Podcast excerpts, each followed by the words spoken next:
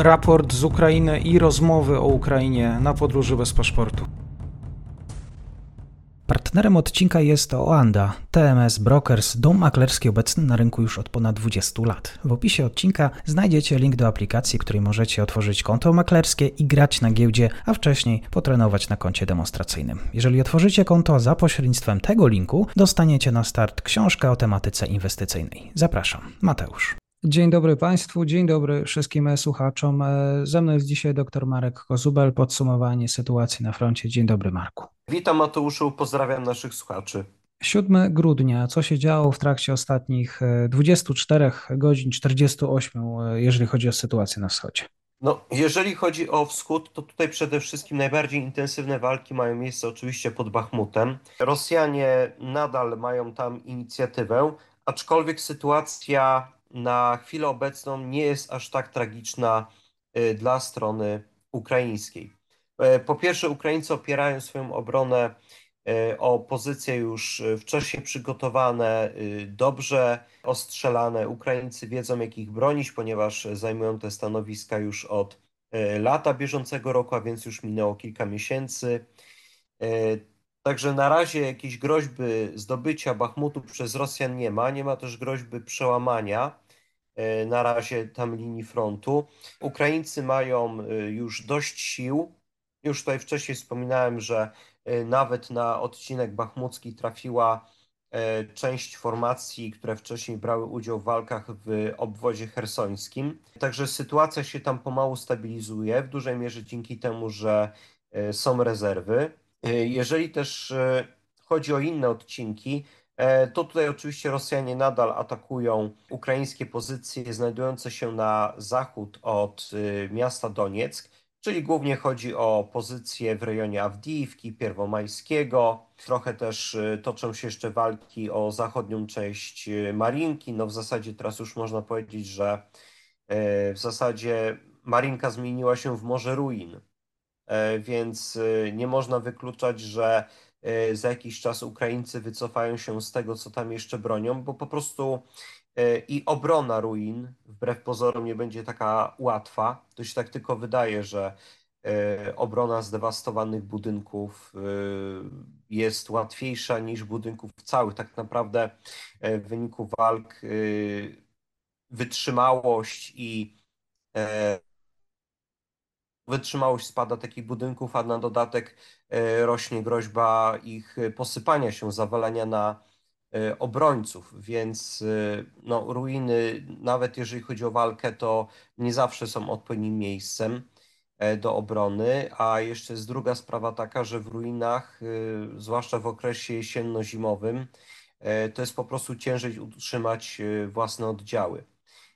Więc trzeba brać pod uwagę to, że Ukraińcy mogą się z takich miejscowości jak y, Marinka, czy w zasadzie już tylko jej ruiny, wycofać, kiedy nie będzie już dalej możliwa ich obrona, utrzymanie tam y, żołnierzy, ale wbrew pozorom nie wpłynie to jeszcze aż tak na y, sytuację na froncie. Tam jeszcze nie dojdzie do jakiegoś takiego wielkiego przełamania.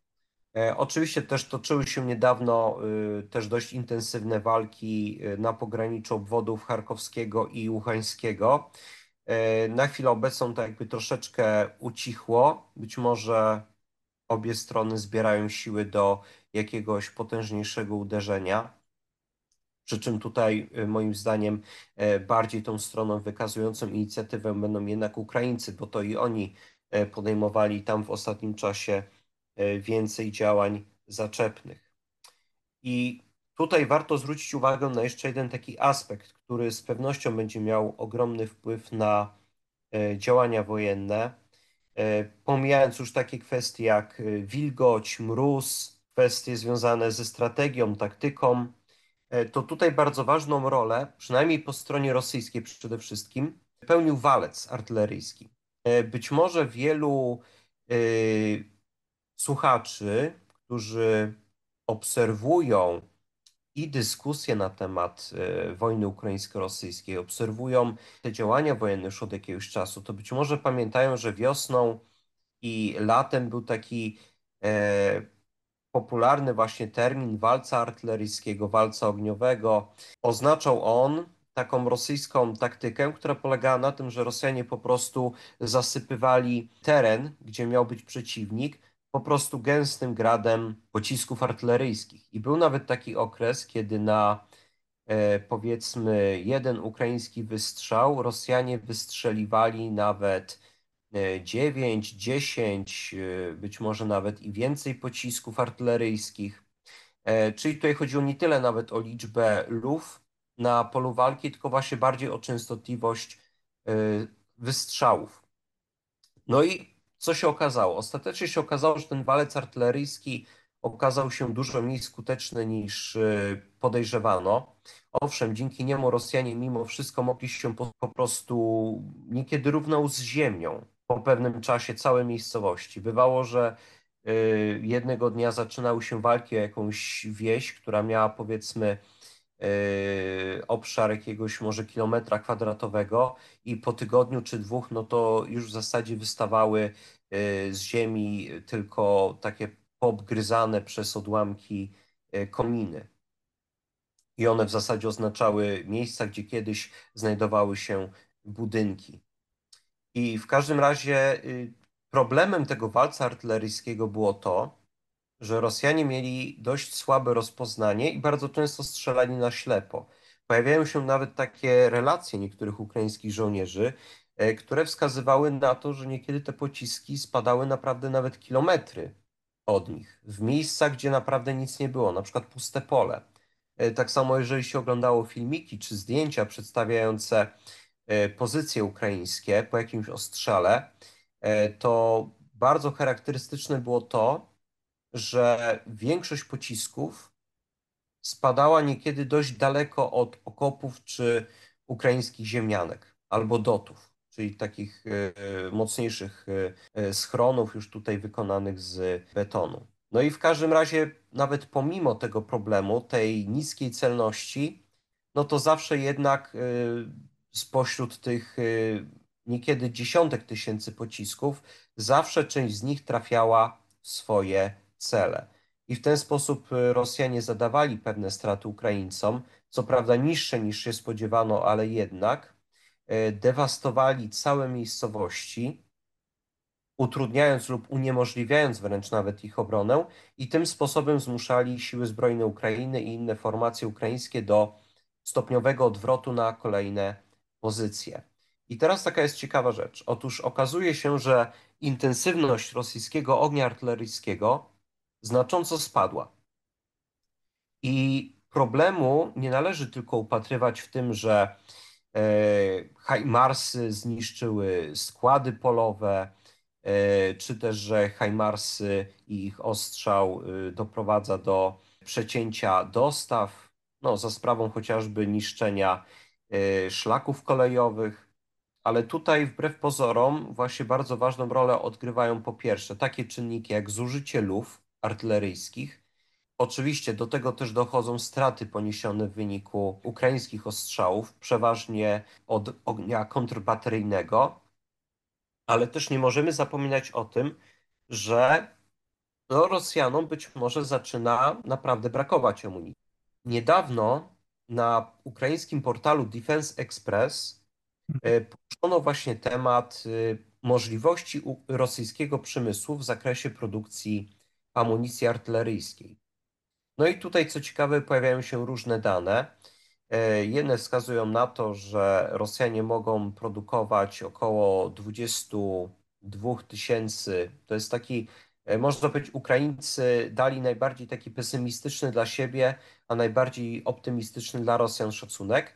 E, no i wynosi on około 22 tysięcy pocisków kalibru 152 mm, czyli to jest ten najcięższy kaliber rosyjskich haubic, no może pomijając piony.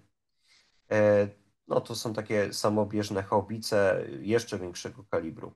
Ale w każdym razie E, z tych e, właśnie dużych kalibrów, to przeważnie właśnie e, najliczniej Rosjanie mają haubice w kalibrze właśnie 152 mm. I teraz zauważalny jest bardzo mocno spadek liczby i intensywności rosyjskich ostrzałów artyleryjskich. I właśnie pojawiają się też takie tezy yy, ukraińskich analityków, że rosyjski przemysł może nie nadążać z potrzebami rosyjskiego frontu na Ukrainie i można się spodziewać, że sytuacja Rosjan raczej się nie poprawi. Nie poprawi się, jeżeli Rosjanie e, będą mogli wykorzystywać jedyne, jedynie własne zasoby oraz możliwości przemysłu. Oczywiście sytuacja ich może się poprawić, czyli intensywność e, rosyjskiego strzału wzrośnie, jeżeli powiedzmy Rosjanom uda się znaleźć jakiegoś sojusznika, choćby cichego, który będzie im dostarczać taką amunicję. Czy to mogłyby być Chiny, Korea Północna, Iran? No tutaj można wskazywać niektóre typy, ale e, na razie nie ma sensu zaczynać rzucać jakieś oskarżenia, bo nie możemy wykluczać, że te kraje stwierdzą ostatecznie, że e, nie ma sensu się narażać i lepiej pilnować e, własnych zasobów. W każdym razie, no, dla Ukraińców bardzo ogromną nadzieją jest to, że rosyjska gospodarka naprawdę nie będzie nadążała za potrzebami frontu. I może się okazać, że jeden z takich najpoważniejszych atutów Rosjan, czyli ich artyleria, y, no po prostu nie będzie mogła być w pełni wykorzystana. Jeżeli właśnie ten jeden z najpoważniejszych argumentów Rosjan na polu walki nie będzie mógł zostać dostatecznie wykorzystany, to przed Ukraińcami pojawi się ogromna perspektywa, chociażby w zakresie obronienia Bachmutu, czy też pojawi się też ogromna szansa na to, żeby e, operacji zaczepnych w okresie zimowym. No tutaj myślę, że czas pokaże, ale w każdym razie te informacje są dla Ukraińców dość pozytywne. Oni sami E, już można powiedzieć, że przyzwyczaili się do tego, że mają pewne niedobory amunicji, że muszą ją oszczędzać, że muszą strzelać po prostu celniej, więc e, bardzo dużą uwagę przykładają do kwestii rozpoznania. W zasadzie to im towarzyszy od początku inwazji, ale właśnie jeżeli Ukraińcy przetrwali ten, e, wydawałoby się, że najgorszy okres, czyli wiosenno-letni, gdy Rosjanie naprawdę mieli miażdżącą przewagę, e, jeżeli chodziło o dostęp do amunicji, to jeżeli przetrwali to, to jest duża perspektywa, że na froncie przetrwają oni e, również te obecne rosyjskie ostrzały. Nawet pomimo tego, że Rosjanie zaczęli w końcu też przykładać trochę większą uwagę do kwestii rozpoznania.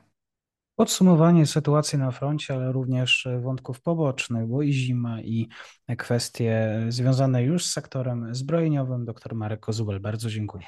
Ja również bardzo dziękuję. Pozdrawiam Ciebie, Mateuszu, oraz naszych słuchaczy.